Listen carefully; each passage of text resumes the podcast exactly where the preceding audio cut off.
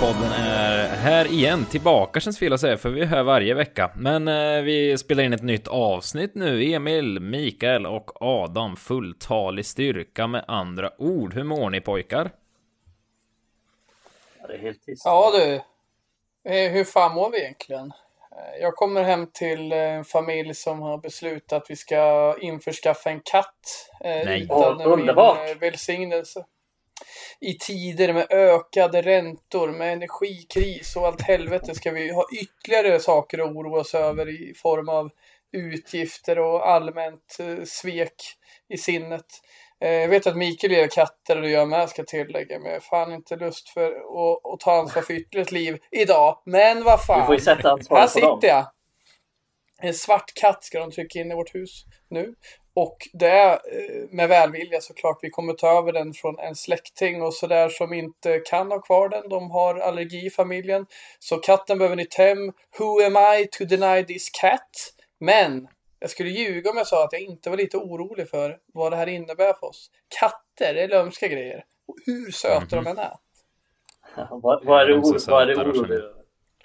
Att de ska... med allt, att jag ska bli förälskad in och sitta och klappa på den hela dagen istället för att göra vettiga saker. Och, fan, söt kattunge, som sagt. Jätte...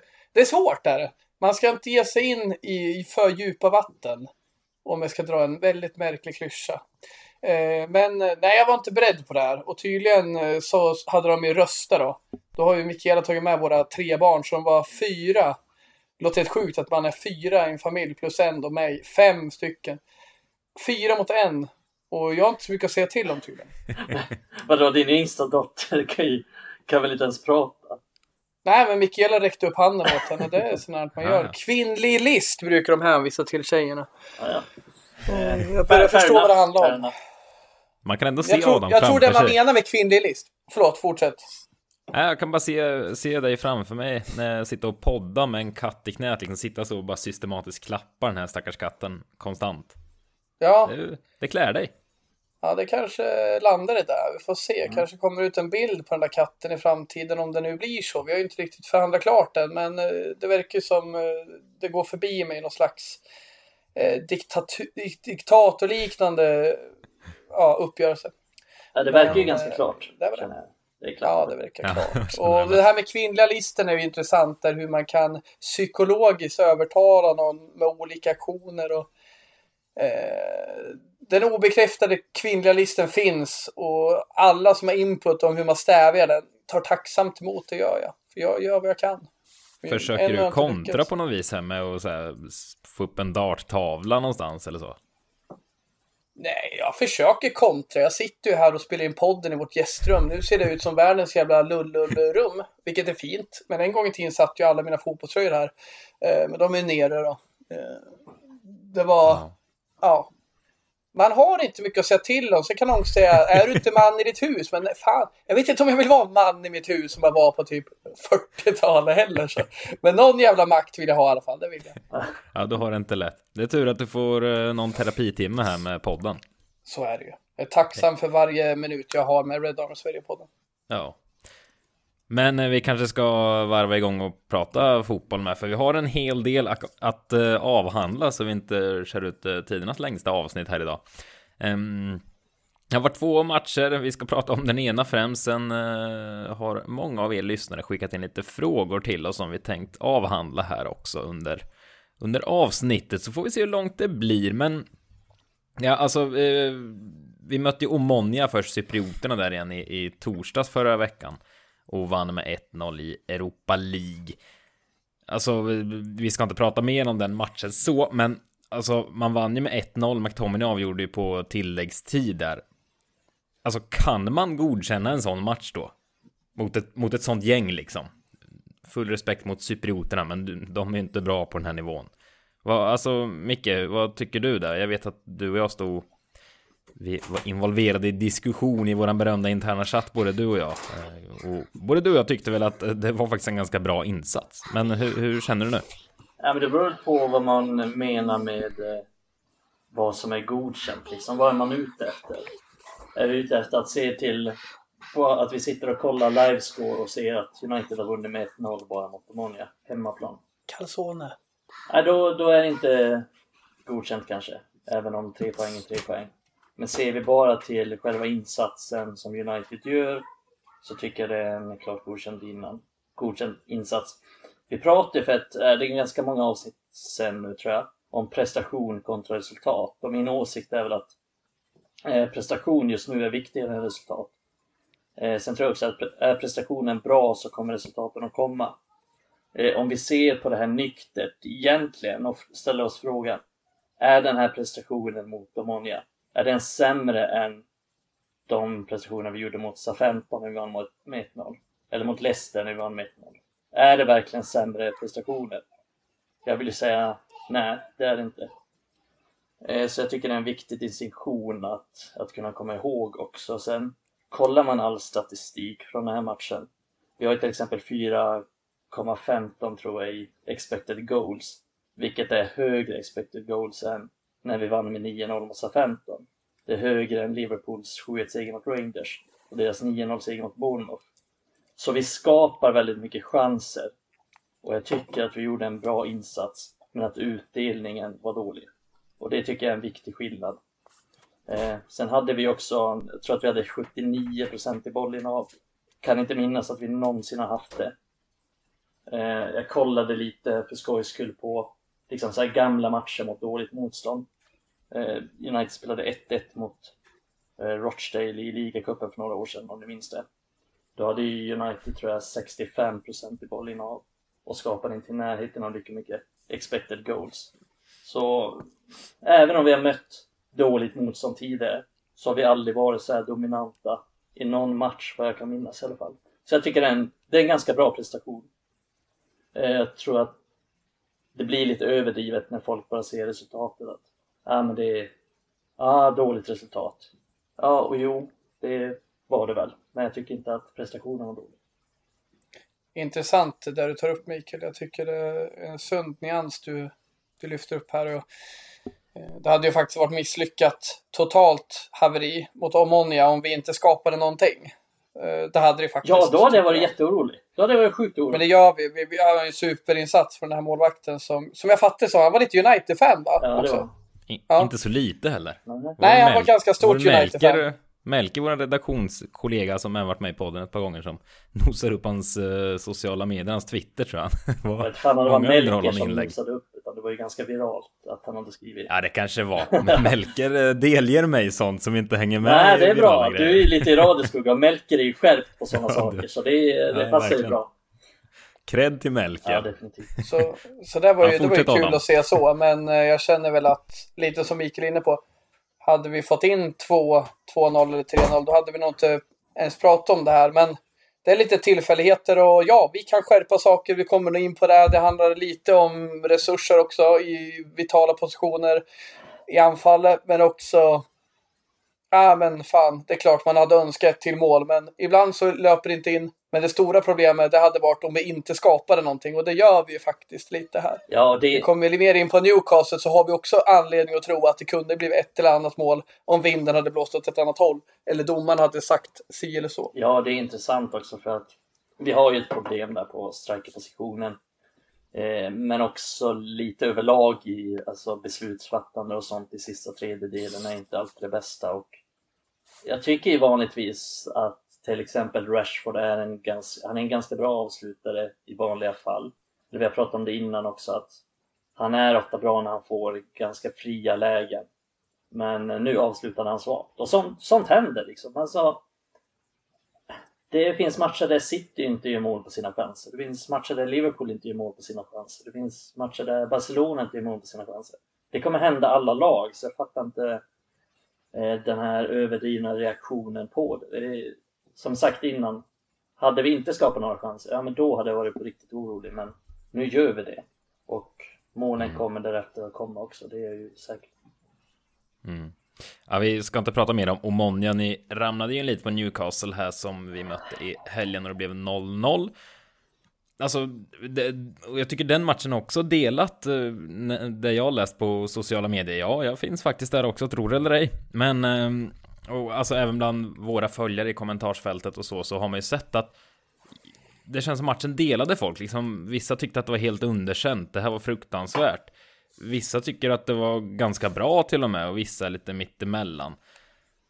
Och jag vet inte riktigt vad det beror på. Eh, det kanske är det du är inne på Micke, att, eh, att vissa vill bara se resultat och se liksom 0-0 hemma mot Newcastle. Men jag tycker i alla fall, om jag ska börja med, med min tanke om just den matchen. Alltså Newcastle är ett rätt bra lag i Premier League i år. Alltså de har ju fått världens resurser. Nu har de inte hästvärvat. Det är inte en helt ny startelva kanske, men, men de har en del riktigt skickliga spelare och så Eddie Howe har gjort det jättebra med dem under hösten. Så alltså om någon trodde att vi skulle städa undan Newcastle med liksom 2-3-0 så kan man ju tänka igen och United vinner inte mot några med, med sådana siffror tänkte jag säga. Men alltså jag landade verkligen i jag tyckte första halvlek var ganska beklämmande för då tyckte jag Newcastle var rätt mycket bättre. Men i min bok så vände vi runt matchen och sista halvtimmen tycker jag verkligen att det var vi som liksom hotade och, och kunde haft både en och två straffar och det var någon nick som absolut skulle suttit och så vidare. Och det var liksom tryggt hela vägen så jag alltså känner mig inte alls oroad efter en sån här match. Sen som någon av er var inne på här beslutsfattandet sista tredjedelen och så var lite halvkass emellanåt men nej alltså jag lämnade den här matchen och kände mig alltså hade ju inte ont i magen efter den om vi säger så. Hur, hur upplevde ni den Adam? Vad, vad, kände, vad kände du efter matchen?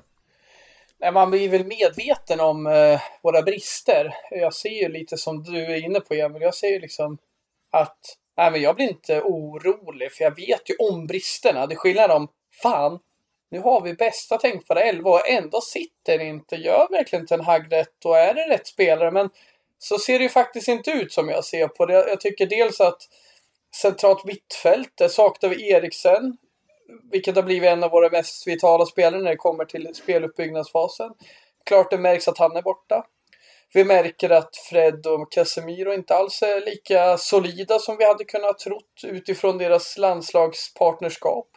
Och den centrala anfallspositionen, eh, något jag faktiskt kommer skriva en krönika om inom kort. Och det handlar om att vi har inte riktigt rätt resurs överlag för ändamålet sett till tillgänglighet och, och kompetens. Vi har Cristiano Ronaldo som har sina förtjänster i straffområdet men som det ser ut nu så är han inte särskilt mycket i straffområdet. Han är däremot enligt uppenbara, uppenbara instruktioner med i spelet men bidrar inte särskilt mycket. Så jag ser liksom, kan vi byta en mittfältare dit? Kan vi byta en anfallare där? Kan vi eh, få fart på Sancho? Kan vi liksom få effekt av Antoni som blandar och ger men ändå visar glimtar av sin eh, fantastiska färdighet?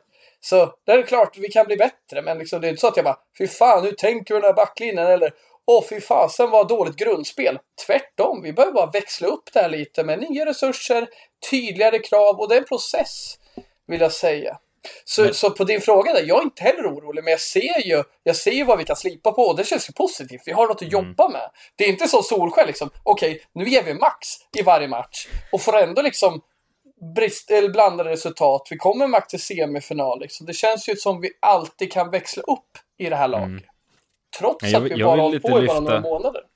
Jag vill lyfta lite, Johan Melin skrev till oss eh, eh, angående frågorna här, eh, skickade in, varför verkar folk tro att vi ska prestera som City efter fyra månader med Ten Hag?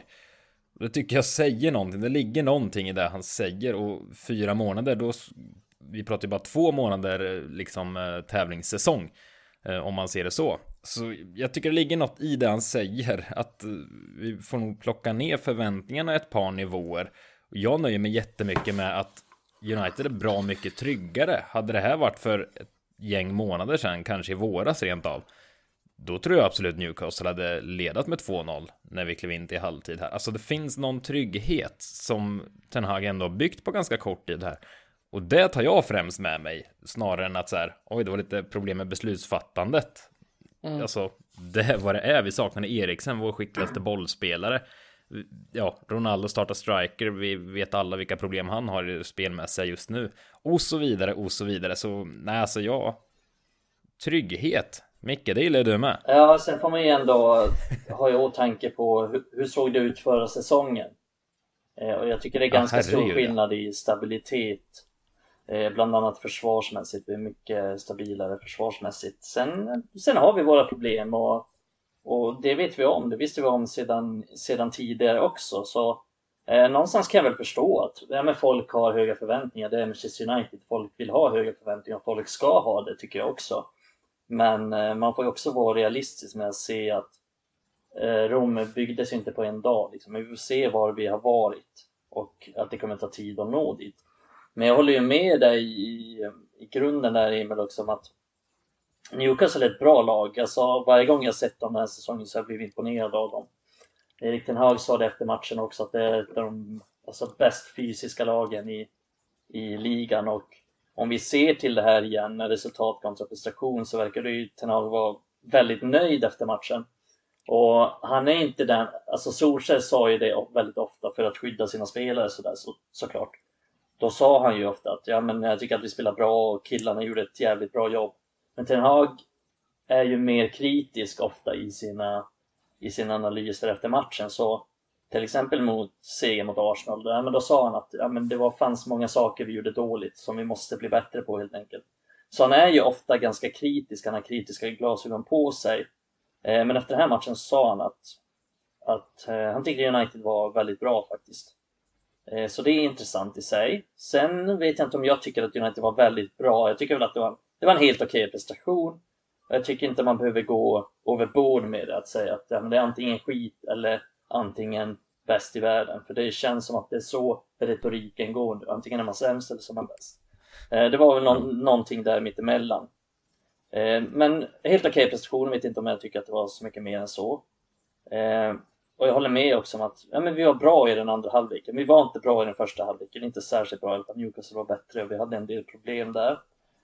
Eh, men i andra halvleken så var vi mer dominanta. Vi dominerade matchen och det blev jag lite halvimponerad av. För det trodde jag inte att vi skulle göra för det kändes inte som att vi hade någon kontroll överhuvudtaget i den första halvleken. Och, och, det, och det är de här sakerna som vi har varit inne på. Det är ju målvaktsspelet och det är centrala mittfältspositioner och det är starka positioner. Eh, och det var Rasmus som skrev det i vår interna chatt att jag, han skrev någonting i stil med att jag blev nästan glad när jag såg att det var de här bristerna. För att annars såg det mm. bra ut. Och då vet vi någonstans att vi är på rätt väg.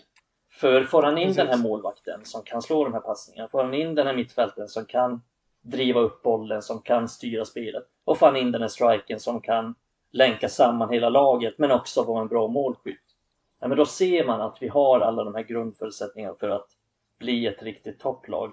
För vi är så nära där, men det är så svårt att göra det utan att ha de här tre ja, men det är också extremt viktiga positioner. Det hade varit en sak om ja, men vi har ingen bra vänsterback. Ja, men då hade man kunnat maskera det lättare. Men det här är tre enormt viktiga positioner för själva spelet, för speluppbyggnaden. Och de spelarna har vi inte helt enkelt för att vara det topplaget. Så det är svårt att svårt att liksom få den stora utdelningen av det. Och ja, problem i sista tredjedelen, det har vi. Ingen riktigt... Det känns dumt att säga det med Ronaldo i laget, men alltså... Han är väl ingen målskytt längre, vad det verkar. Eh, så vi saknar ju någon som dels kan länka ihop spelet, men också sätta de här chanserna som kommer, som Rashford får i slutet och som han missar. För Rashford är inte den naturliga målskytten, kommer aldrig bli han kommer aldrig bli den straffområdesspelaren. Så det hade vi väl behövt. En, en spelare som kan göra lite enkla mål som delar upp slutet.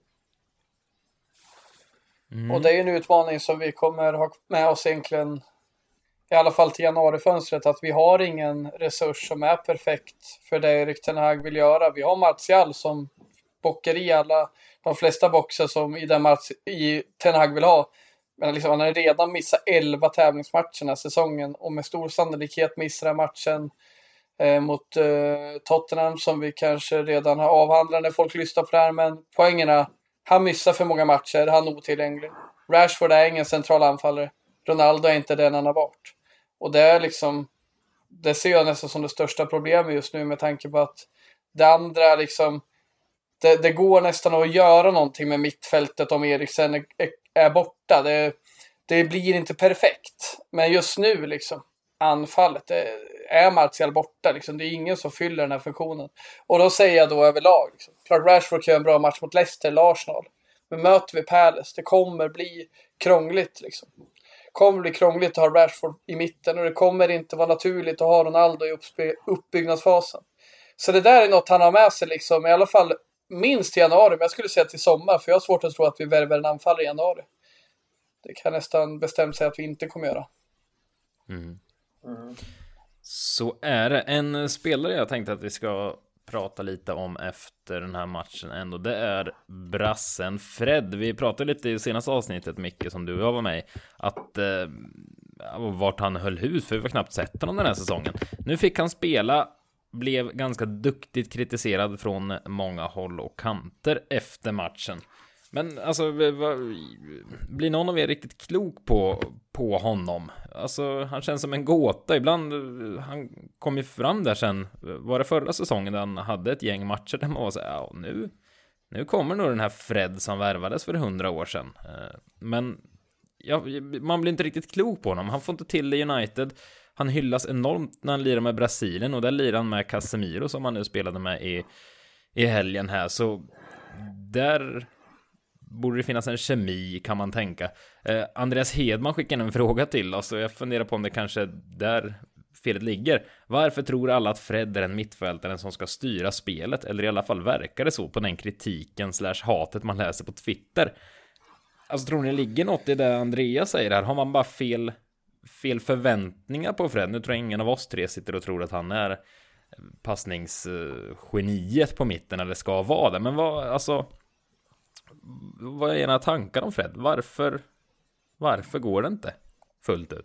Jag får nog passa på den där frågan lite, för jag förstår inte riktigt om det ens är någon som tror han ska vara spel, speluppbyggande. Men, jo, men jag, min bild... jag fattar ändå vad han menar med det. Jag tycker ja, också... men det är ingen som tror att han ska vara vår spelfördelare. De, liksom. Däremot de, måste man ju kunna spela boll i Ten Hags Ja, men de reagerar ju på det som att det ska vara hans roll. Vilka de? Eh, eh, många på sociala medier reagerar på att ja, men han är liksom dålig med bollen och då är han sämst. Men det är inte riktigt det är inte hans styrka liksom. Han är inte bra på det helt enkelt och jag tycker inte man kan förvänta sig att han från ingenstans ska bli bra på det heller. Och det är inte hans roll som han säger också att eh, Fred är inte den mittfältaren som ska styra spelet. Eh, så generellt tror jag ju folk ser på matcher eh, och inte riktigt förstår vad de ser om man säger så. Jag känner att Fred är den han är och kan inte vara någon annan spelare, precis som Casemiro är den han är och inte kan vara någon annan heller.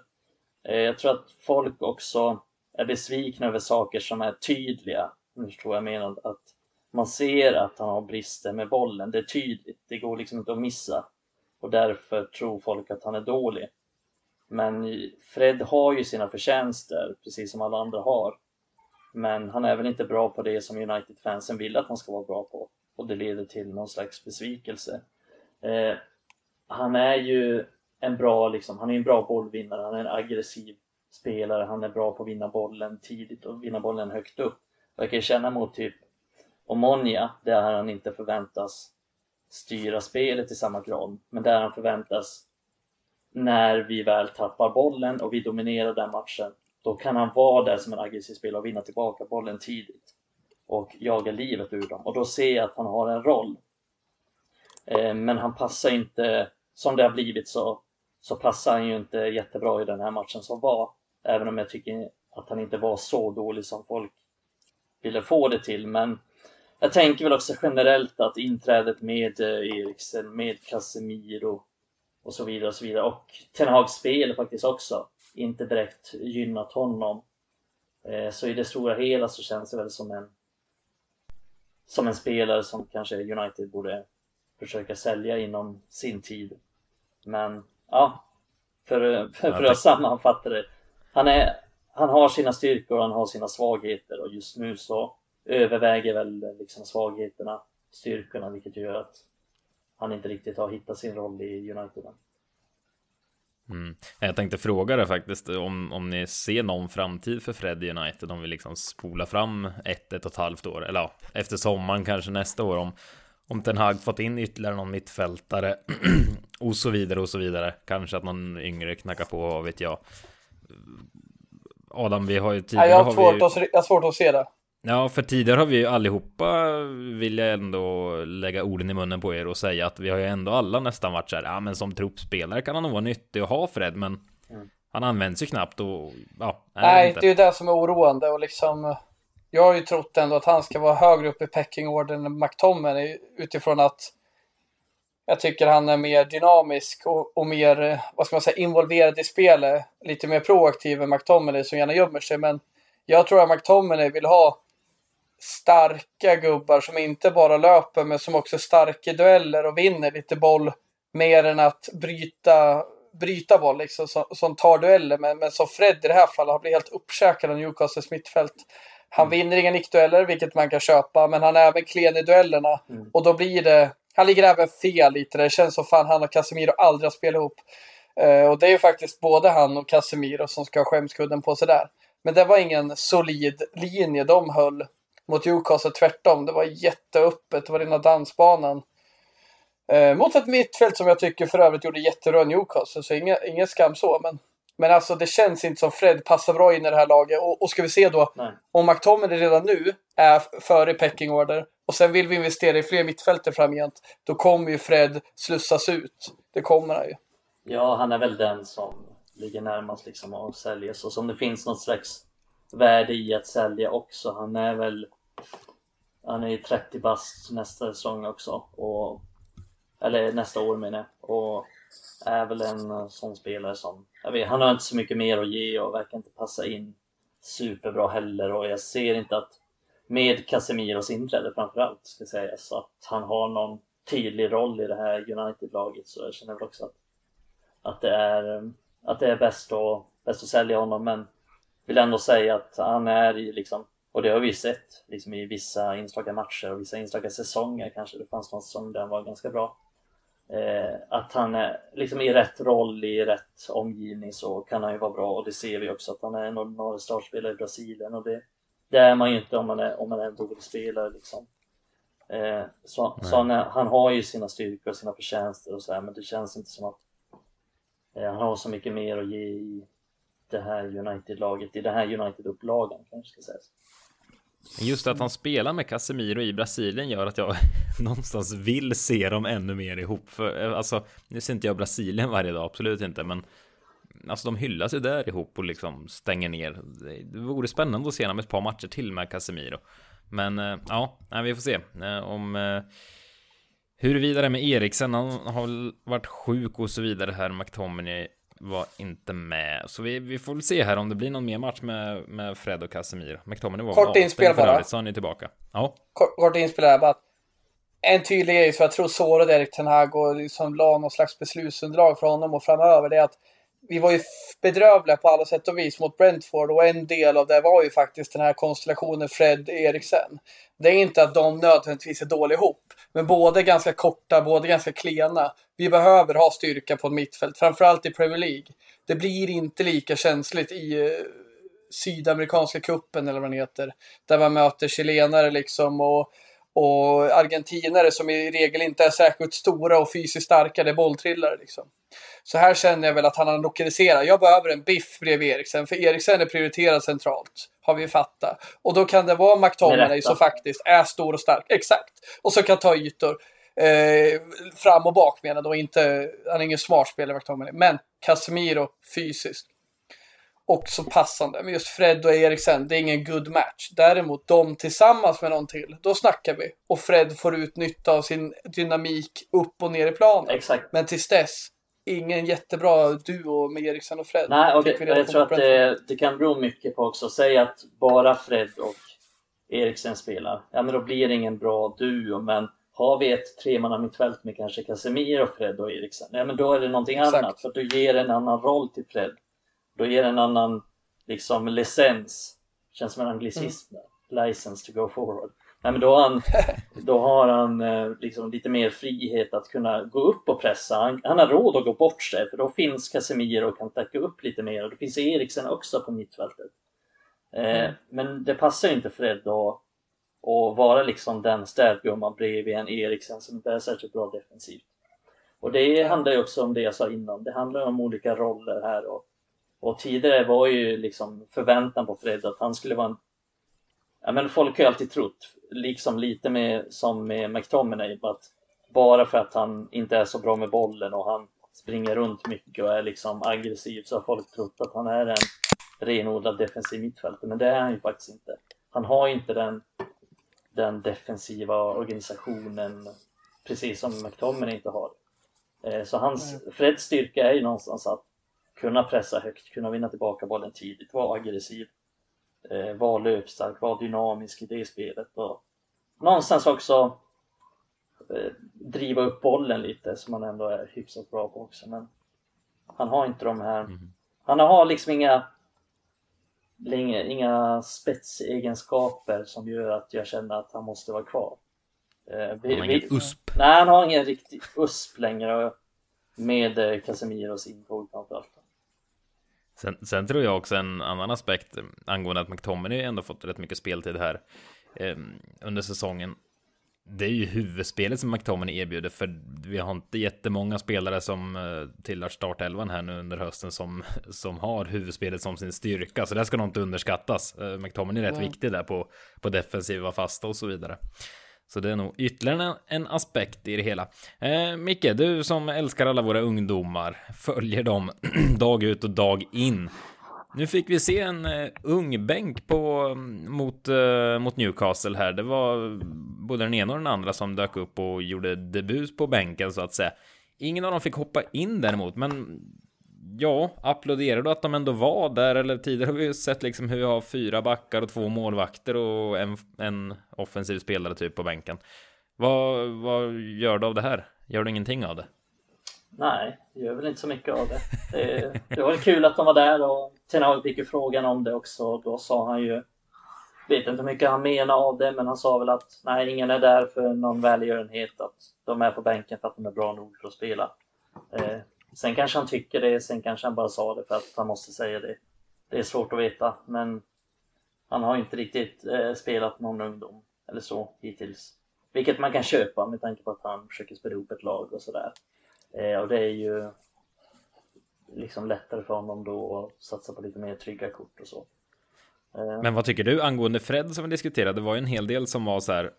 Ja, nu tyckte inte du personligen att Fred var så dålig som en hel del fick det att låta som. Men upplever du att de här yngre spelarna som nu var på bänken är de tillräckligt bra för att ändå liksom att man hade kunnat byta in någon istället för Fred sista 20 eller Alltså hur, hur väl pass står sig de här ungdomarna? För många som, många som svingar den här debatten tror jag aldrig har sett de här spelarna. Alltså jag har aldrig sett Kobi Maino ordentligt. Heter han ens så? Maino? Mm. Jag, jag har aldrig sett honom ordentligt. Och jag tror att ganska många supportrar är, är som, som mig där. Det, det, är inte många som är som eh, Mikael och följer eh, ungdomarna hela tiden. Men hur pass bra är de? Eh, jag tror inte att de är redo för att spela i, i A-laget mot en liksom så här mot en så fysisk och svår motståndare som Newcastle är. Och vi pratade innan också om deras fysiska mittfält och att de är tunga att möta där. Så jag tror inte de är redo för det. Och vi har ju en del andra spelare som folk vill se, Garnacho bland annat mycket. Och han tycker jag ju verkligen inte är redo för att spela. Eh, de som är närmast är väl liksom Zidane Iqbal som var på bänken nu, som har varit på bänken några gånger. Spelade en del under försäsongen men inte fått spela någonting direkt nu. Eh, och det är en spelartyp som, gör, som är intressant framförallt.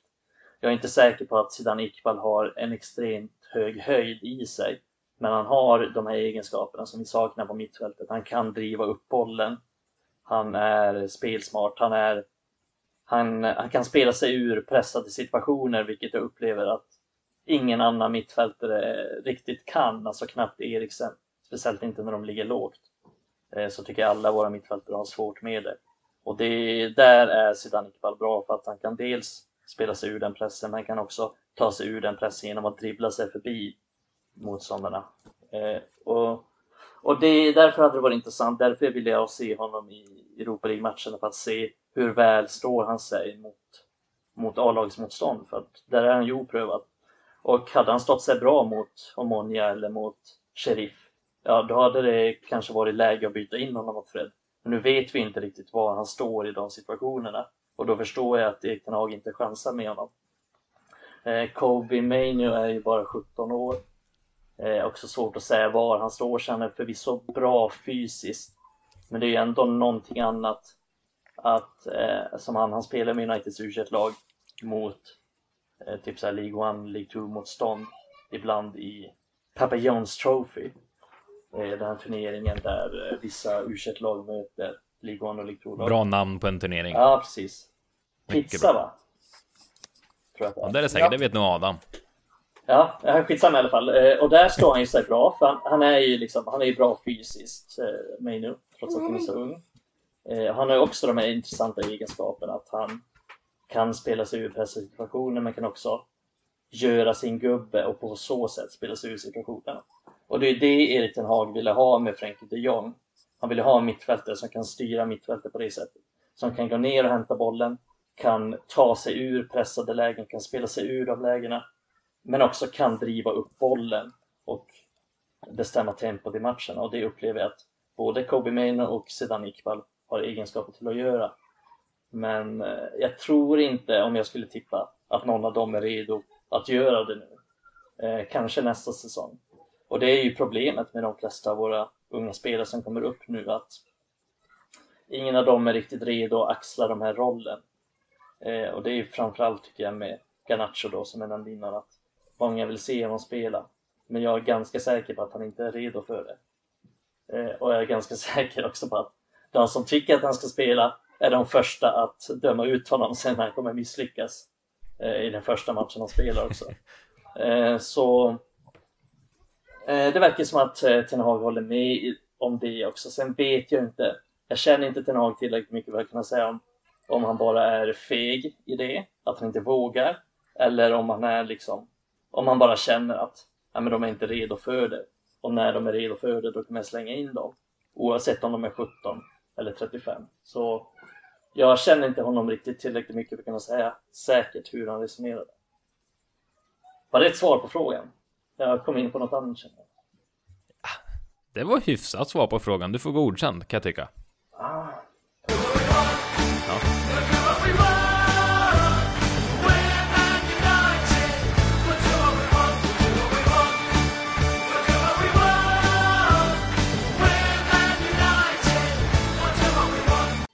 David de Gea måste vi ändå nämna också efter den här matchen, eh, tycker jag, innan vi, innan vi lämnar den där här. Men eh, vi måste nämna att han gjorde faktiskt sin 500 match i United-tröjan. Han är väl topp 10 med den eh, bedriften tror jag, i att ha spelat Nej, flest 11. matcher. 11 han är inte tror jag. det? 11? Förbannat att Tror jag. man inte kan sätta någonting. Ja. Ja, ja, ja. 11 är ganska duktig bedrift också i och för sig. Men, eh, ja, alltså det, till att börja med kan vi bara applådera att det är 500 matcher i United-tröjan. Det är ju, det är en jäkla bedrift rent ut sagt. Och, Fantastisk bedrift. ja, det är bara att lyfta på hatten och så extremt avgörande som han har varit under, alltså, ja, tyvärr har väl han oftast varit som bäst när vi varit som sämst, eller tyvärr och tyvärr, men det har blivit lite så att han stått där och varit en vägg när vi blivit fullständigt bombarderade. På, på gott och ont tänkte jag säga. Men Adam, hur ser du på framtiden där? De Gea? Är det bara att skaka tass efter säsongen och tacka för lång och trogen tjänst men gå vidare? Eller? För, för han själv var ju ute och pratade här i, i veckan efter, eller i samband med, med den här bedriften, att han ser sin framtid i United och gärna vill vara kvar. Hur ser du på det hela? Eh, sorry här för ljudet. Det var en katt här som kom in. Eh, Har ni skaffat katt dotter. redan? Nej, men de är här nu. De Jaha. anfaller oss. Eh, fan, nu tappar jag rodret känner jag. Vad heter det? Oh. Din fråga där ja. Om... Eh, vad fan frågar du? Förlåt, jag blev helt störd av katten. Den var helt Alltså. svart och söt och allt. Så. Men du låter fortfarande inte övertygad om att du ska skaffa katt? Nej, det är jag inte. Det är jag verkligen Ja, och inte. nu är du... Men de Gea, jag tycker absolut David de Gea är På tal om att katter, tacka på tal om katter. katten i mål, the cat in the hat. Eh, David de Gea, tack för dina insatser de här åren. Eh, jag känner att det är dags. Eh, jag funderar lite på det. Det kan ju komma ett scenario där han bara, vet du vad?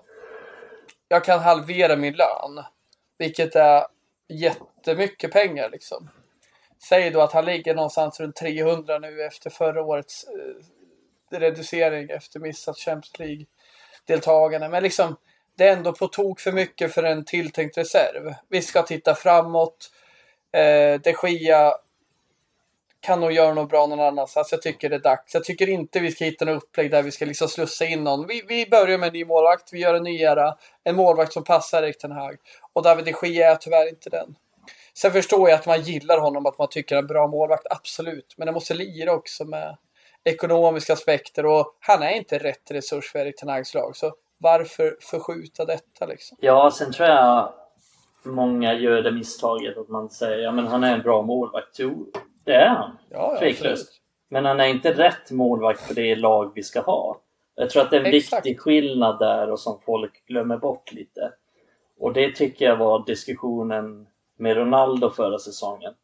Eh, som jag kunde störa mig lite på. Det var ingen som sa här att han inte är en bra spelare. Bara det att han inte är rätt typ av spelare för vårt lag.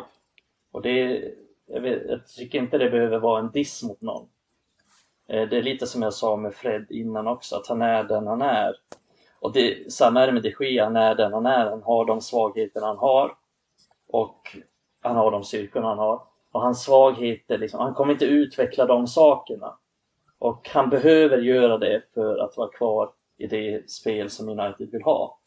Eh, och det kunde vi se i de två första matcherna till exempel då mot Brighton och Brentford. Hur illa det gick. Eh, mot Brentford framförallt så blev vi otroligt straffade. För att vi försökte spela ut från målvakten och eh, ett av målen var ju faktiskt eh, hans fel där. Han spelade ut till Eriksen tror jag. När han var pressad. Och han gjorde exakt samma sak nu mot Newcastle. Eh, men då lyckades vi avstyra den situationen. Eh, och anledningen till att det inte har hänt liksom, de senaste matcherna är ju för att han har, han har slagit långt helt enkelt. Han har fått instruktioner om att slå långt. Men nu fick han instruktioner igen mot Newcastle att nu ska vi spela oss ur. Men han klarade inte det då heller. Vi blev inte straffade för det. Men han klarade inte av det.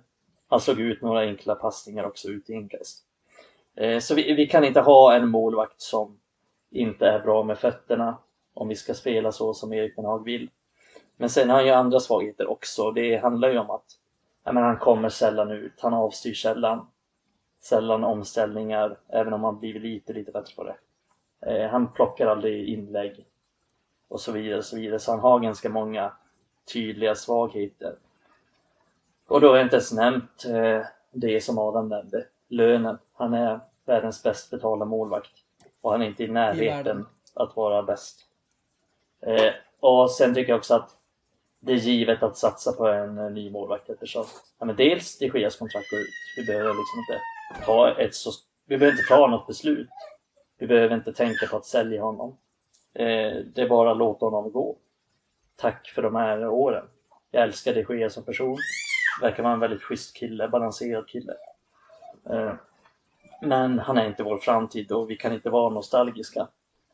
Eh, plus också att det finns, det är ingen, eh, så vitt jag vet så är det ingen toppklubb som söker ny målvakt. Vilket gör att det inte kommer vara särskilt svårt att värva en ny bra målvakt. För det finns många bra målvakter på marknaden som kommer vara tillgängliga.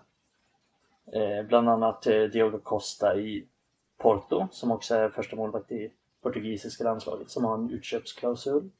Sen finns ju Raja i Brentford vars kontrakt går ut eh, vet inte om det går ut nu i sommar eller nej, nästa sommar tror jag. Eh, sen finns ju liksom Sanchez i Brighton. Eh, det finns en del olika målvakter som håller mycket bättre klass än de Gea på de här viktiga sakerna som Erik Ten Hag värderar. Eh, så det, jag ser det som en no-brainer liksom. Låt de Gea gå, sälj Henderson, köp en ny målvakt. För det finns många bra alternativ på marknaden. Mm. Det blir intressant att se framöver. Eh, Luke Shaw har eh, pratat lite i en intervju här efter senaste matchen med The National, var han pratade med. Eh, och han var ganska självkritisk faktiskt i den här intervjun. Vi har ju svingat en del mot, eh, mot honom eh, och kring att han ser lite lat ut och så vidare emellanåt. Och han var ganska självkritisk eh, mot att han inte varit konsekvent i sitt spel eh, över tid så. Eh, varit upp och ner under United-karriären. Ehm, och så lyfter han också att man nu måste prestera för att få spela under Ten Hag och att det tidigare inte har varit så helt enkelt. Det är ju lite anmärkningsvärt, men eh, det har vi väl anat eh, också. Och det har hintats eh, åt höger och vänster om det. Men vad, Adam, vad läser du ut av den här? Har han självinsikten att han, att han är lite för lat så? Eller vad tror du? Jag kan hoppas det. Eh, jag har ju ingen förtroende för honom när det kommer till ledarskapet. Han, han har gjort oss besviken länge och det utgår jag från att han har en gudabenådad talang. Men han har flera gånger under sin session tappat rodret. Han har visat sin höjd och han har även visat vilken medioker spelare han är i sin helhet. Men som nu liksom, jag är jättenöjd med hur han levererar och det är ju så man vill att han ska vara. Aggressiv, bra, proaktiv, använda de finesser han har. Men det jag läser ur den här intervjun, det är liksom återigen som jag tog upp för två veckor sedan. Det finns en strategi kring våra offentliga uttalanden med hur man tycker att vi ska uttrycka oss för att få med oss supporterna på resan.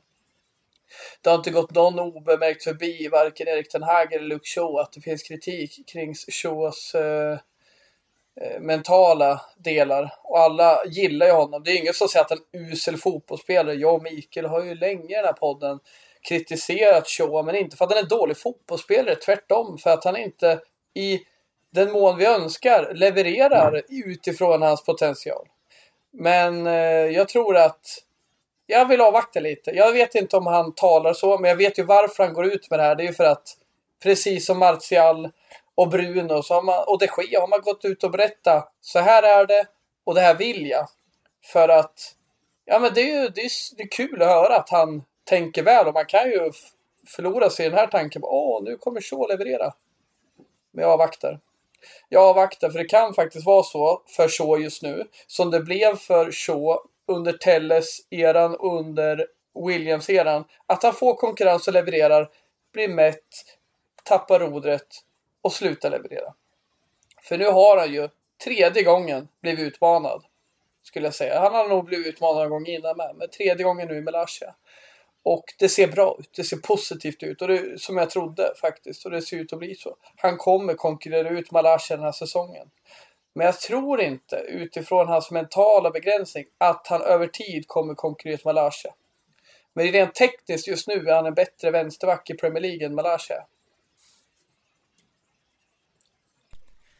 Mm, vi får se hur Shaw fortsätter sin säsong här. Ehm, vi ska beta av lite frågor som vi fått in från uh, lyssnarna. Jag tänker vi kan hänga kvar i ytterbacksspåret. För Erik Karlsson undrar vem som är backup för Dalot i nuläget. Har han tänkt Lindela där eller kommer han rotera på Malaysia som höger och vänsterback tro? Och vi kan väl säga att Dalot står ju faktiskt på fyra gula kort, så den här frågan lär bli aktuell eh, någon gång snart, får vi väl utgå från. Men Ten Hag har ju faktiskt nyttjat eh, Lindelöf där tidigare under säsongen vid något svagt tillfälle och eh, han sa väl också på någon presskonferens när Lindelöf var med, ja. ville få det till, att uh, här är en kille som kan spela ytterback.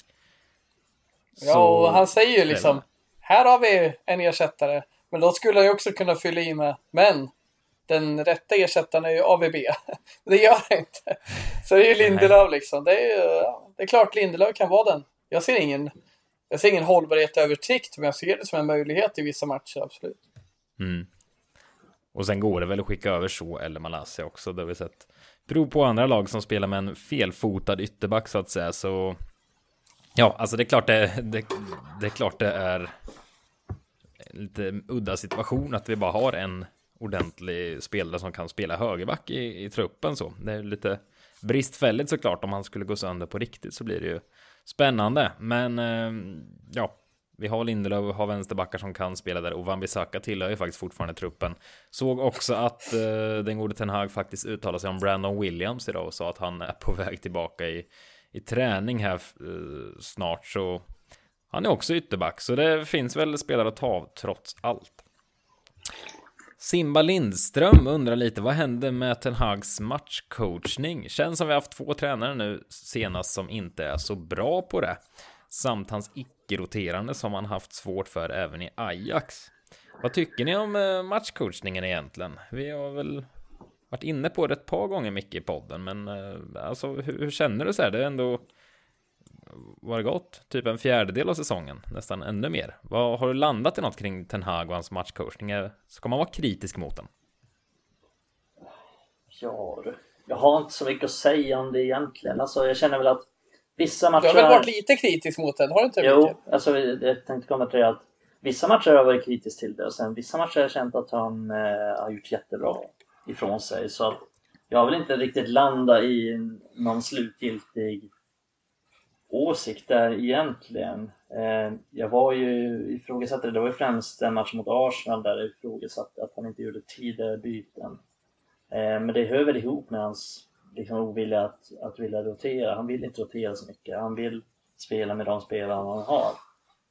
Eh, det kan man väl tycka är rätt eller fel, men jag känner väl inte riktigt att vi har tappat poäng på grund av att han inte har tagit rätt beslut. Jag känner väl, om vi tar, jag antar att han syftar en del på den här matchen mot Newcastle, så vet jag inte om det fanns så mycket mer att göra egentligen. Vad tycker ni? Eh, mot Newcastle, det är liksom, det är ju som du brukar uttrycka, damn if you do, damn if you don't. Hade han tagit ut Ronaldo där eller inte, det hade ju fortfarande varit ett problem när det blir 0-0. Så det är liksom, han, han, var inte nöjd med Ronaldos leverans. Han tog in... Nej, men Ronaldo var inte bra. Alltså, det är väl... Nej, och vad liksom, hade det varit mer rätt att ta in, ut Sancho? Jag tycker inte det, för Sancho levererade ju till viss mån och var faktiskt pigg ut på kanten. Vilket man inte kunnat sagt om honom på senare tid. Så, så jag... Nej, men jag, jag, jag ser ju bara överlag där med matchcoaching, om jag bara får flika in snabbt att Absolut, det får du. jag, jag, jag förstår att folk är kritiska för ja, man kan titta hi, si och så. Jag hade kanske gjort annorlunda där, men samtidigt ser jag det väl som jag ser fan tvärtom. Jag, jag förstår vad folk menar, men jag vill ändå ge nyanser. Jag tycker att han, han tillåter inte slumpen att avgöra här. Han kanske är lite mer tålmodig än andra och lite segare än vissa med att byta, men samtidigt kan han byta ut Ronaldo där Ole Gunnar Solskär aldrig skulle våga. Eller att han eh, byter ut Shaw i halvtid mot Brentford för att han inte tycker han var tillräckligt bra. Han, han, han tar tuffa beslut. Sen tar han inte alltid rätt beslut. Jag tycker han har rätt inställning i att här ska ingen jävla politik få bestämma. Nu har de bestämt här att Ronaldo, han behöver vara kvar. Ja, det får jag förlika mig med. Men det säger inte att han ska spela varje minut när jag inte tycker han levererar. Så jag tycker han tvärtom, hans matchcoaching, den är absolut inte perfekt. Men jag är fan imponerad över hur stark ledare han tycks vara. Ja, och kan ändå mm. tycka på en bra poäng där. Fan, du är, du är briljant idag. Ja, det måste vara katten som är shit. Han sitter, han sitter och klappar den. Bra innan. Han sitter och klappar den nu och får, får inspiration mm. till det. Jag kan se det framför ja. Otäckt är det. Ja, riktigt otäckt. Mafia-liknande. Um, på tal om eh, Ronaldo så eh, Mattias Johansson har skickat in här. Har Ronaldo någon sorts identi identitetskris och försöker vara den spelare som lämnade United 09? En spelare som är mer inblandad i spelet Ja, igår skrev han, men eh, mot eh, Newcastle får vi säga, var Fred vår spjutspets flera gånger. När Ronaldo väl spelar får han väl se till att vara där mål görs. Det är ju det enda han kan skapligt numera. Ungefär exakt så uttryckte du det Micke under matchen ja. ja, nej, men jag tycker att han är nere och deltar ganska mycket i speluppbyggnad. Och deltar vet jag inte, men han, han är där det händer liksom. Han försöker vara där. Eh, och jag vet inte om det är taktiskt eller om det är för att han känner att han vill vara involverad. Vi har snackat om det tidigare, att han nog har känt lite press om att han har ju fått, det har blivit så mycket snack där om att han inte är involverad, att han inte pressar tillräckligt mycket. Och jag vet inte om jag tycker att det, jag tycker inte att det är hans största problem, att han inte är involverad så mycket eller att han inte pressar så mycket.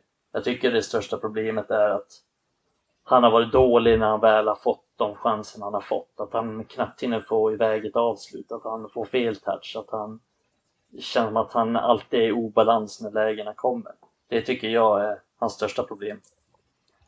Eh, så jag känner väl att ja, det, kan, det kanske han har. Eh, han var inte särskilt involverad mot Newcastle heller. Han slog bara 11 korrekta passningar och var spelaren 70 minuter.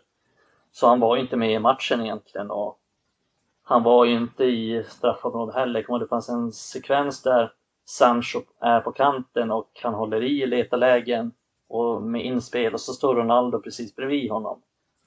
Eh, så jag känner att han är där det händer men han gör ingen riktig nytta där. Eh, jag tycker alltså han har ju sin, säg att han har ju sin allra största styrka i straffområdet. Säg att det kommer in ett inlägg där, ja men då kan han nicka in den för att han är så pass bra i de lägena vanligtvis.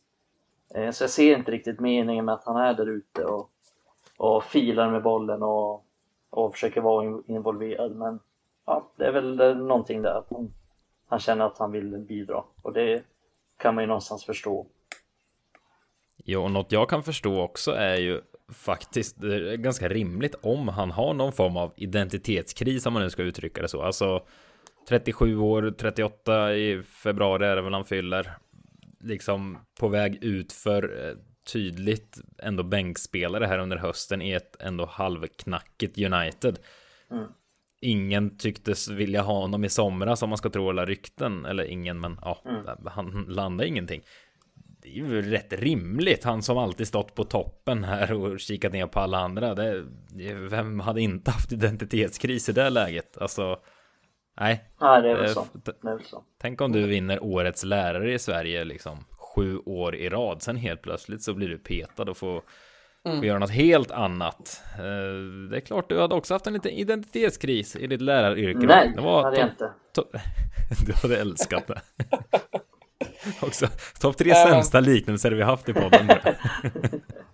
en kille som varit eftertraktad i 20 år och helt plötsligt så är det ingen på krogen som viftar på ögonfransar längre. Det är klart som fan ja, det är så när man är... att svaret är ja. Det är klart det är jobbigt för honom. Det fattar man ju. Mm. Och, och, och, bara för att flika in lite på det Mikael sa.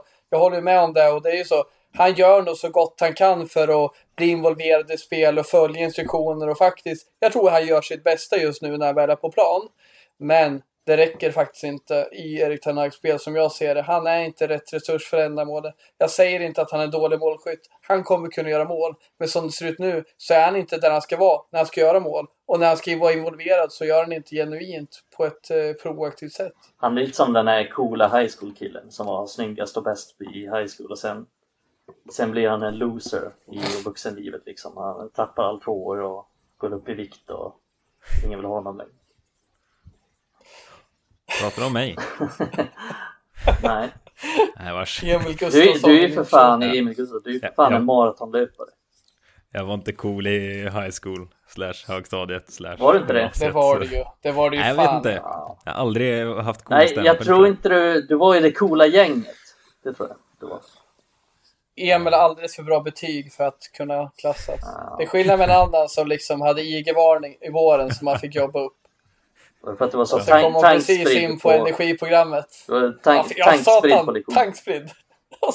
Jag. Jag, jag pratar med det nu mycket med sambon om. Våra barn liksom är jätterara men tankspridda och så bara, det där har vi fått från mig. Ja. Och liksom sitta där och drömma om fotboll och allt möjligt. Räkna pengar. Liksom. Och läraren bara, vakna Adam! Vakna för fan! Vakna du, du ska gå in på gymnasiet snart. Och jag bara, vad ska jag göra? Nej, fy fan. Jag var, inget, jag var ingen stjärna i högstadiet. Inte när det kommer till eh, betyg i alla fall. Men jag kom in på gymnasiet. Och det kan jag säga nu i efterhand. Jag önskar att jag la mer tid i skolan. För det finns mycket intressant att ta del av. Tror ni jag hade bra Men jag är nöjd som... Nej, det tror jag inte Micke. Jag tror inte det. Jag tror, det är jag tror Mikael hade bra betyg. Och hängde med de coola. Du var liksom, du han levde lite i båda det, världarna. Men jag tror inte han hade det. ja, intressant. intressant. Nej, det är lite mer åt Adams håll. Eller jag hade inga dåliga betyg, men jag hade inte särskilt bra betyg heller. Eh, men jag hängde givetvis med en kor. ja. Det blev en sanning att jag hade bra betyg. Det ska jag inte klappa mig på axeln och säga. Det, det får jag ta ner ändå. Men, men. ja, och hostar på här för femte eller sjätte podden i rad. Så får det vara. Eh, Peter Abrahamsen vill gärna ha en diskussion om vårat mittfält här. Jag tycker det vore intressant. Hur kan det se ut om ett år? Vilka kommer lämna? Fred McTominay, Bruno, kommer de spela? Vilka unga tror man realistiskt har en chans? Vem är Casemiros perfekta match? Donny, Rice med flera? Hur ser nästa års mittfält ut realistiskt? Svara på alla de frågorna nu på 10 sekunder, Mikael. Nej vars, men vi kan väl, eh, vi kan väl konkretisera lite och bara lyfta, för jag tycker det är en ganska intressant ställd fråga. Det var många frågor, men hur ser vårt mittfält ut här när vi går in till nästa säsong? Vilka av spelarna vi har nu? Alltså vilka tror vi vi kan räkna bort? Fred pratade vi om förut. Eh, Donny van de Beek kan inte tänka mig bli kvar, det vore ju högst egendomligt. Men annars, eh, alltså, jag menar Eriksson, Casemiro ska ingenstans. Sa du Eriksson? Nej, sa jag det? Lät som det. Ja, du sa det! Yes. Ja, då får det avsnittet Ni är heta Eriksson 3. sallad båda två. Nej men eh, Eriksen, Mm. Casemiro, Bruno. Där har vi tre spelare som definitivt lär hänga kvar va? Mm. Vad tror vi McTominay? Kommer han finnas kvar när nästa säsong börjar? Ja, McTominay har fler liv än Adams katt. Eh, men, så han, han vara kvar. Nej men det känns väl som att av de eh, nämnda så är väl Fred och Donny van de Beek som är i riskzonen att- nämna känner jag. Eh, hur mittfältet Ja. formeras, alltså jag tror ju att en ny spelare kommer komma in till sommaren, eller hoppas det i alla fall. Att ännu en mittfältare kommer in. Eh, så det det en ny saga med de Jong? Kapitel Ja, 2. kanske, kanske. Eh, det är väl uppenbart att han vill ha honom i alla fall, eller åtminstone den spelartypen. Sen vet jag inte om han kommer gå efter honom. Det känns svårt att säga, det känns trist att spekulera i också. Men eh, det känns som att Casemiro och Eriksen i alla fall har, har någon slags plats där på mittfältet även nästa säsong. Eh, sen vet jag inte hur, hur han tänker med lagbygget till nästa säsong. Men det är väl rimligt att tro att han vill försöka värva in en, en tredje spelare till det. Men ja, Och, och en sån aktion då att eh, göra sig av med Fred och van der Beek som mycket väl kan vara planen framöver. Eh, då frigör vi utrymme för en löner som kan täcka en världsklasspelare i 200-250 000 i veckan ish. Som de två tillsammans har. Eh, men, men sen också McTominay om vi också ska fastna i lön. Jag, jag tycker jättekul med ekonomi, det alla fattar så följt jag på det. Men men just McTominay, visst, jag förstår alla som tycker att han inte är tillräckligt bra för start i United. Det finns argumentation för det. Men ser man till hans ersättning, inte hög kan jag säga. Ser man till hans anspråkslösa arbete för den här klubben. Han kan sitta på bänken, han kommer vara nöjd, han kommer inte grina och hota med att dra.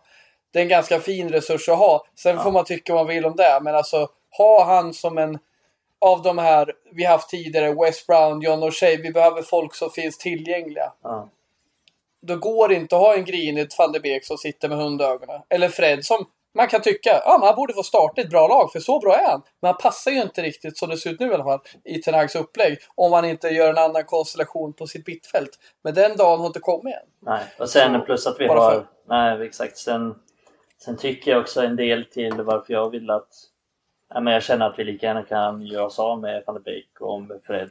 är ju också för att jag tycker ju att Kobe Maino till exempel, som, vi, som jag tog upp innan, att han är en framtida spelare på mittfältet Mm. liksom i United och framtida startspelare också till och med. Eh, så det är väl därför också jag känner det. Att han att man kan göra sig av med dem. Eh, vi kommer ändå ha en bra ersättning. Donny van de Beek ser jag inte riktigt meningen med. Jag ser inte vilken roll han ska ha. Så vad händer där? Ja, svårt, ja, men alltså, svårt vad- att se vad han ska liksom bidra med. Det är lite samma där känslan med Fred. Att passar inte riktigt in i, i, i laget och sådär. Så det, det är nog bäst för honom själv och för Fred själv också att, att de lämnar till sist. Eh, så det är väl lite så jag känner kring mittfältet. Men det, det är svårt att säga något konkret där för att jag tror att han kommer vilja värva in en till in i mittfältet och jag tror att ja, men det, det kommer behövas också om inte han satsar på Kobe Maino eller Zidane Iqbal och ser att de, de här spelarna är bra men kanske nästa år. Han kanske tänker så, vad vet jag. Vi Det är snackar om bänkspelare kvar nu. Jag måste bara... jag såg en sak tidigare idag. Eh, på tal om bänkspelare så såg jag något så här att i Serie A, eller om jag fattar rätt på ligan, vet, vet han belgaren Raida Nangolan? Ja. Jag såg Alltså, det han hade här. tydligen suttit och rökt på den jävla avbytarbänken. Så Och då tänker jag till er, och där måste vi dela till följarna med. Vem fan, i, vem i United skulle bli ertappad med att sitta och röka på avbytarbänken? Det var väl inte Jag tänker vanlig på Donny van de Beek liksom. Det var väl inte vanlig sig heller om jag förstod det hela rätt. Skämtar Eller? du? Va? Vadå, var det någon brass eller? Va? Jag, eller det jag var tycker... någon e jag trodde det var någon sån här e-cigg. Det kan ju tänka mig att Det man ändå att- skulle kunna bryta reglerna med. Det ska sägas att jag bara läste en rubrik förut, men då tyckte jag att det stod röka på. Att han rökte Nej, men- på. Men det kan ju inte stämma eller? Vadå? Vad fan har lever... ja, Rättsliga efterspel på det hela. ja. Men vad sa du? Vem i United som skulle kunna ja, sitta och... Mikael, vem i United skulle Ja, nu, nu är inte Sergio Romero kvar, annars hade hon varit mitt givna val där. Så. Ja, det är bra. Det är bra. Jag kan ju se också Sergio Romero köra motorcykel med en cigg i munnen där, utan hjälm givetvis. Eh, Harley och Davidson, liksom, laidback som fan. Eh, nej, vem är annars då? Eh, jag vet fan om jag kan se någon egentligen. Alltså det hör ju ändå ihop med att man ska ha någon slags personlighet. det, vet fan om jag tycker att så många har. De, eh, I United, de känns ju väldigt liksom proffsiga och trots allt. Jag, jag tänker så att Pelistri tröttar så bara, fan jag kommer aldrig få chans i den här jävla klubben. Jag ser Ja, men Pelistri har aldrig tagit en cigg i hela sitt liv. Lilla Jo, pojken. det har han. Nej. Han tar sin första cigg på Uniteds avbytarbänk. Sen bara hostar sönder. Vad har du då Emil? Har du något att komma? Phil Jones sitter där med tre cigg i truten. verkligen inte. Verkligen inte Phil Jones, men jag satt och Juan, sökte Juan samtidigt. Mata sitter i tweedkavaj och en pipa. Men jag måste bara göra klart här, jag som satt och spred osanningar här. Det verkar vara en vanlig cigarett han. Han spelar i, Oväntat. han spelar i Royal vi, det visste vi. Emil. Visste att du hade sett Ja, han är tillbaka i Belgien. Ja, det är Ja, han. han är tillbaka i Belgien. jävla Antwerp. Det är gamla Uniteds gamla samarbetsklubb. Precis. Jajamän. Så han Precis. satt Det här var några fina lån där. Ja, nämn Han någon. Nämn någon som har varit utlånad. Eh, Det är några som typ huserade i akademin i början på eh, sek- eller millennieskiftet där. Så jag skulle gissa på typ... Eh, ah, fan vad svårt. Någon av Bojan Djordjic eller han själv. Någon av hans kollegor. Var Kan det vara typ... Eh, Vad hette Nej. han då? Hjärnsläpp kinesen? Dong Fang Su, eller vad hette han? Var inte han där och svinga? Är inte han utlånad dit? Eh, kanske han var. Jag trodde du hade svar på det här. Ja, men alltså jag har ju svar på några som var det, men de vet jag inte. John Evans var bland annat där. John Evans var det. Ja. Ja. Nej, jag kommer inte på något. Jag får helt hjärnstillestånd. Jag. Ja men alltså, eh, Martinez hade ju kunnat göra det om han blir bänkad ett par Ja, matcher. Phil Bardsley var ju också där bland annat. Eh, Så Phil Bardsley. Det var några under den tiden där, alltså den typen av Dennis Simpson-typer och Phil Bardsley och John Evans och, som, eh, som huserade där. Fina Royal Mm. Antwerp. Fina. Jag läs- Fan, Jag läser här nu. Jag gick in på Sportbladet bara för att läsa om den här grejen. Eh, Nainggolan har tagit till Instagram för att be om ursäkt om det här. Han är avstängd från A-laget på obestämd tid här nu. Ganska rimligt eh, agerat av klubben tycker jag. Men då har han uttryckt sig att jag är väldigt ledsen för det jag har gjort. Jag inser att detta är helt fel själv. Men jag tänkte bara inte på det i stunden. Vilken jävla dåre alltså. Hur fan så oproffsigt. Otroligt. Jag tycker det är på sjukt kul, men jag blir så nästan irriterad bara. Vadå inte visste liksom? Så jävla dålig ursäkt på det. va? Det var inte meningen. Sorry, jag bara råkade tända på det. där. Han bara, jag är ledsen att det här uppmärksammades. Jag, hopp, jag trodde ingen skulle se det. Exakt. Så. Är det. Han är ju ledsen för att han blev upp, Ja, uppmärksammad. det, inte det är för att de flesta det. som gör, eh, som gör brott. Bara, jag är ledsen. Jo, du är ledsen för att det blev uppmärksammat för att du åkte dit. Du är inte ledsen för att du gjorde det. Ja. Lite så, Adam blir ertappad utanför Eskilstuna med att köra bil med så 2,1 promille. Bara, jag tänkte inte på det i stunden där. Jag vet Nej. att det är fel, men jag tänkte inte på det då. Jag tänkte inte på Jag skulle ha tagit en annan väg. Precis. liksom det. Borde tagit småvägarna. och- Jag skulle tagit den jävla... Ja, den bilden kanske ska ut på, på vårt eh, Twitterkonto, måste jag säga. Ehm, vi ska... Vi har någon fråga till här tror jag, eller har vi det? Fick Peter svar på, sitt, på sin fråga nu? Vi kom in på... Ja, jag tror det ändå. det. Det. Det, är så svårt att diskutera också hur ett mittfält ska se ut. Alltså i augusti nästa år blir det. Det är liksom, det är tio månader kvar. Ja. Vem, vem vet vad som händer och sker? Jag tänkte först fråga dig Micke, vilka, vilka ungdomar du tror? Så här Hannibal, vad har hänt med honom? Är han bortglömd? Men det är så svårt att säga vart de, vart de hamnar, hur vårsäsongen går och så vidare och så vidare. Så jag tycker det, Mm. det är svårt att landa i. Får återkomma i frågan eh, framåt sommaren kanske.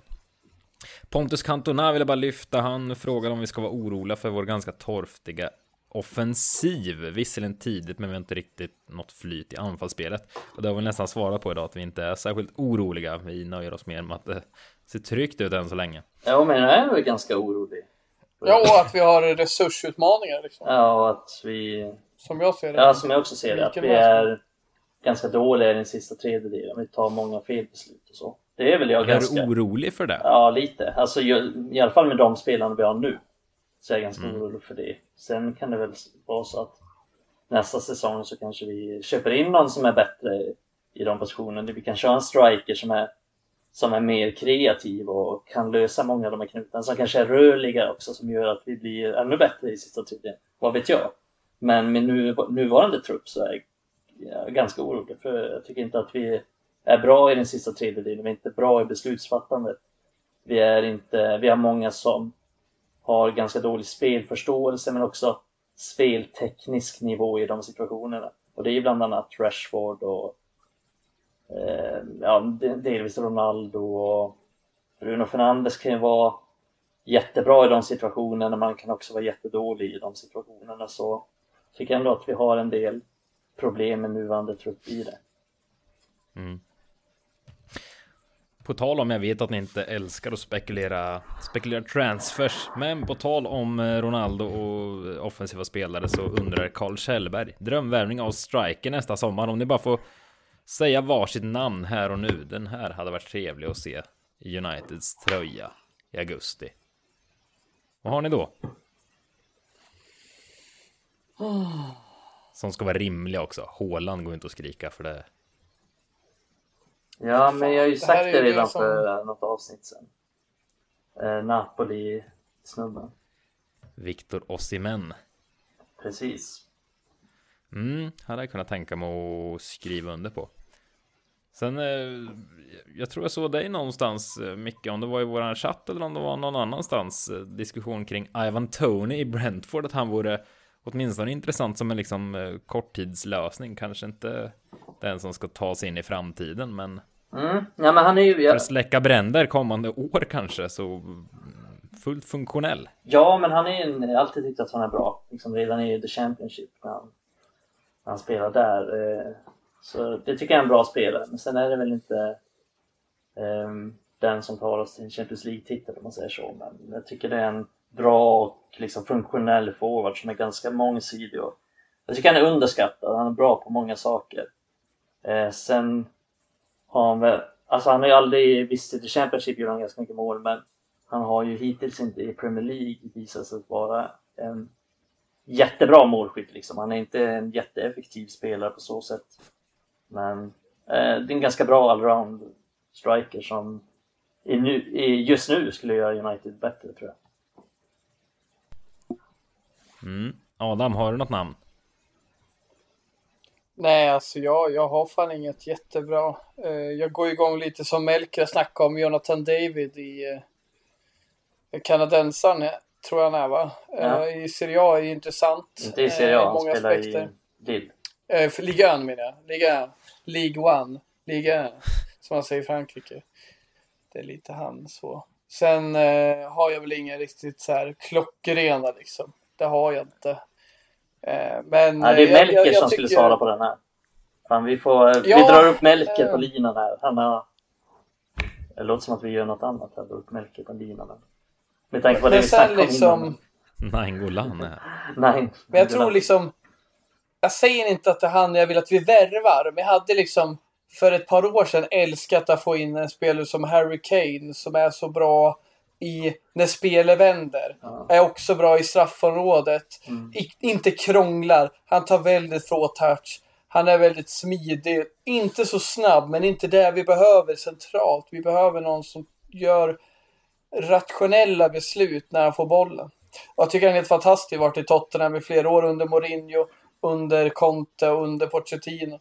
Så han hade jag verkligen gillat. Men jag, jag vill inte att det är han vi satsar på. Vi ska titta framåt, vi ska hitta några yngre. Men sett till spelartypen, då hade jag tyckt en Harry Kane-roll hade varit underbar att få in. Ja, den var fantastisk. Nej, jag, jag håller med att han vore fantastisk, men att det känns lite fel i magen om man skulle gå efter honom i sommar. Men Det samtidigt... är ju fel någonst- strategi kanske. Ja, verkligen, verkligen. Men samtidigt någonstans, alltså hyfsat rimligt. Alltså om han nu ska lämna Spurs någon gång. Så är det väl, alltså så här, City går inte längre, de har Håland. Liverpool har ju gått för Darwin här. Alltså Arsenal går Tack så bra med, med Gabriel Jesus och dit skulle han väl inte flytta oavsett. Nej. Det är lite så här, ska han flytta inom England så är det väl typ United, för där är ju platsen öppen och han är inte hästgammal. Eller Chelsea. Han är väl... Han är född 93 och Chelsea är ett alternativ. Men, eh, men alternativen är inte extremt många. Sen är det om man vill flytta utomlands, ta över efter... Fast jag vet inte, nej. Så här. När Benzema tacklar av, då är ju Kane för gammal också. Herregud, han var ju Ballon d'Or här igår Benzema, så han ska väl ingenstans. Nej, jag vet inte riktigt vart... Eh, Italien ska han väl inte till. Det är så här Bayern München som skulle värva Kane eller något. Jag vet inte. Men Eller så blir han kvar i ponera att Tottenham. eh, Tottenham havererar nu och Conte får en jävla järn eller så här kabelbrand i huvudet och sticker som man kan få när han inte kommer överens med sin chef. Eh, då är det ju 100% säkert att Kane lämnar. Enda anledningen nu att han verkar vara trygg det är för att Conte gjuter mod i den här gruppen och faktiskt sätter en, en hyfsad leverans i den här klubben. Till den klubbens standard en jättegod leverans. De kommer kunna vinna titlar under Conte och det trodde man inte efter Espiritos eh, jävla session hade. Men det är som du säger Emil, det här kan faktiskt hända. Jag vill inte att vi ska utgå från att det här är det vi vill göra och vi ska satsa på det. här. Men jag hade inte blivit ledsen om det hände.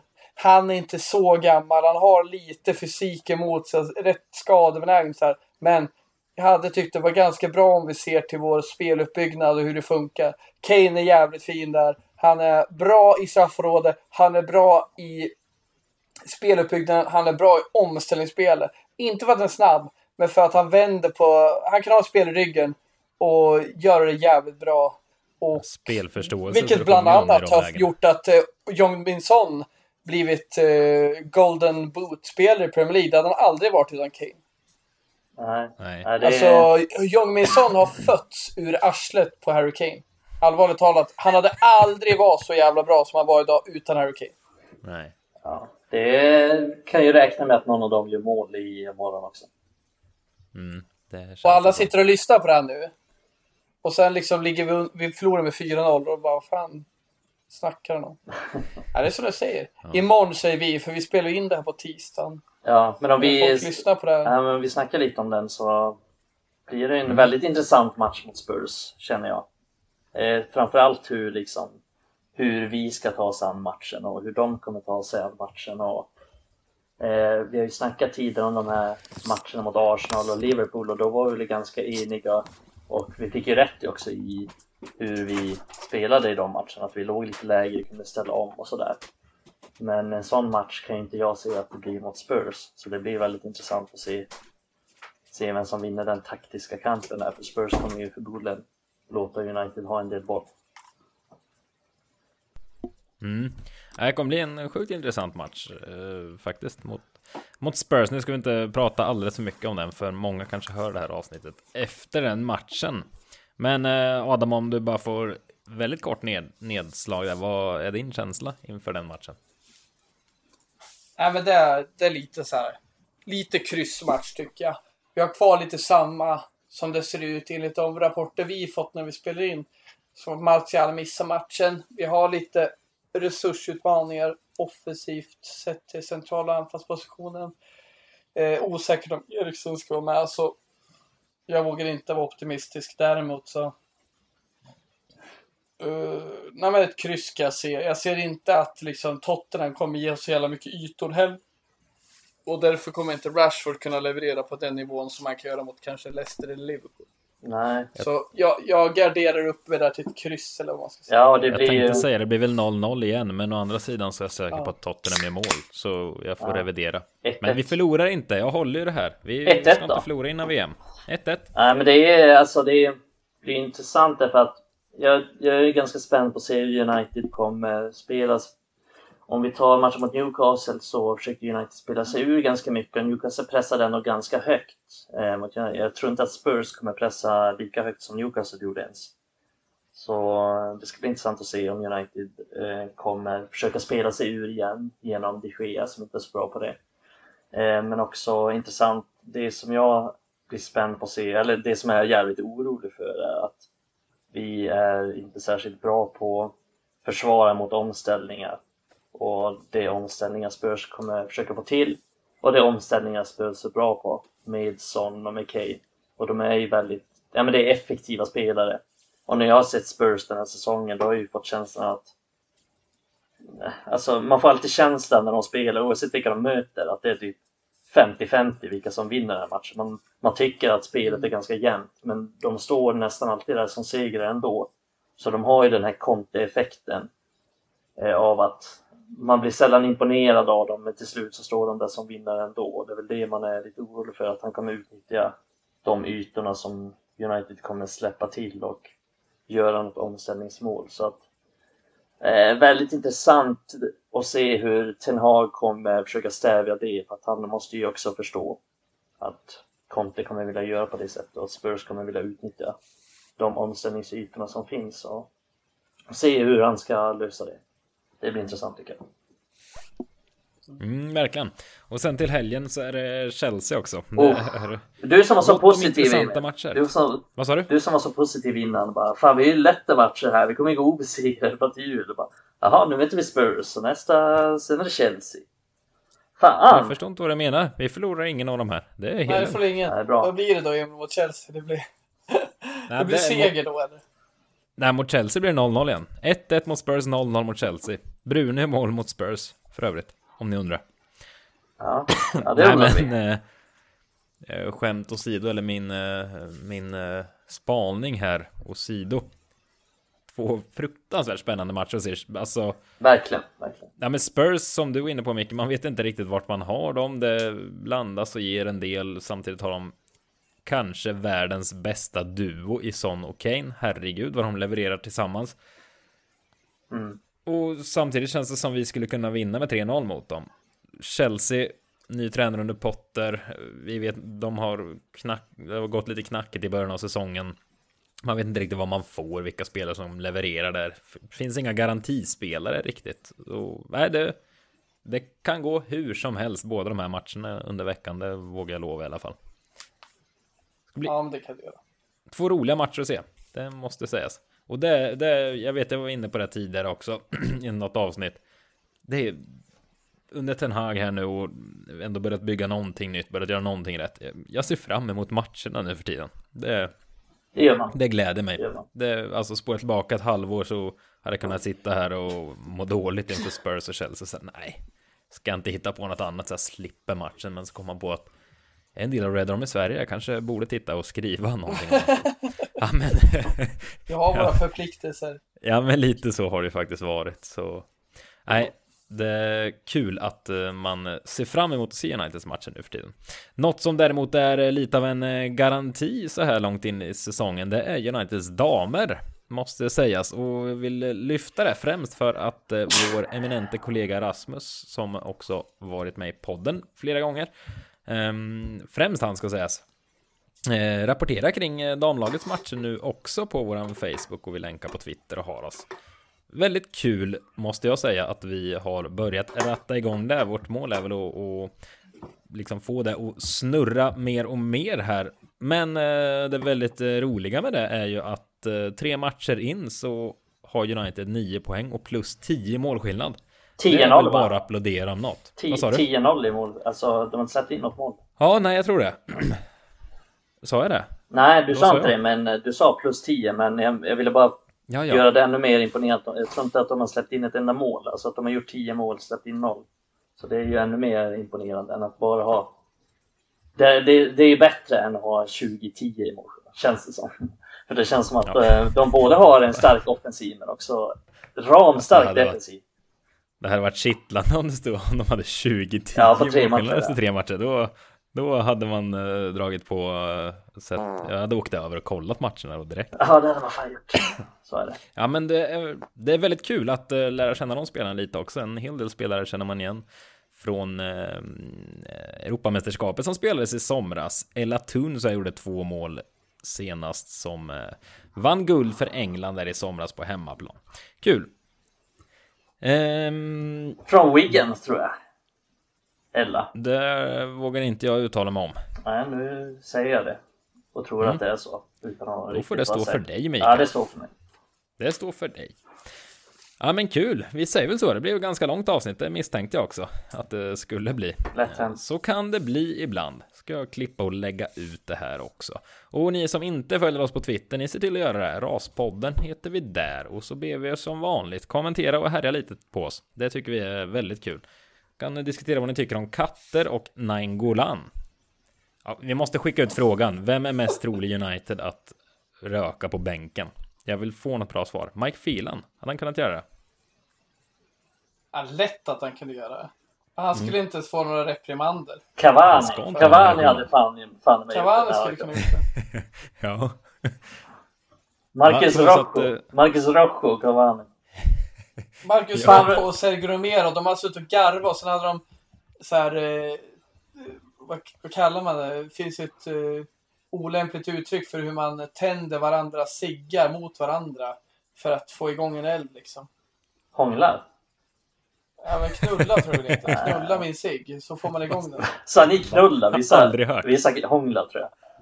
Ja, I, I mitten av Sörmland sa man så. På, Ja, men lite, Ja, lite, mer, lite mer vulgära. Makes no sense. Också. Jag hängde ju inte med de coola gängen så jag Nej, det rökte inte inte i det. ungdomen sådär. Satt i ditt jävla Nej, klass, det gjorde klassrum fakt- det som gjorde en inte jag skolpojke. Det har jag alltid haft respekt för. Men sen har det hänt när man blivit äldre att man feströker med just att hålla på när jag var tonåring. Det var jag för feg för. Vågade inte. Ja, det är kul. Men men, vi eh, hörs väl av. Det blir väl ett nytt avsnitt nästa vecka. Det brukar det kunna bli. Eh, ha det gott tills dess så hörs vi. Hej hej! Nej.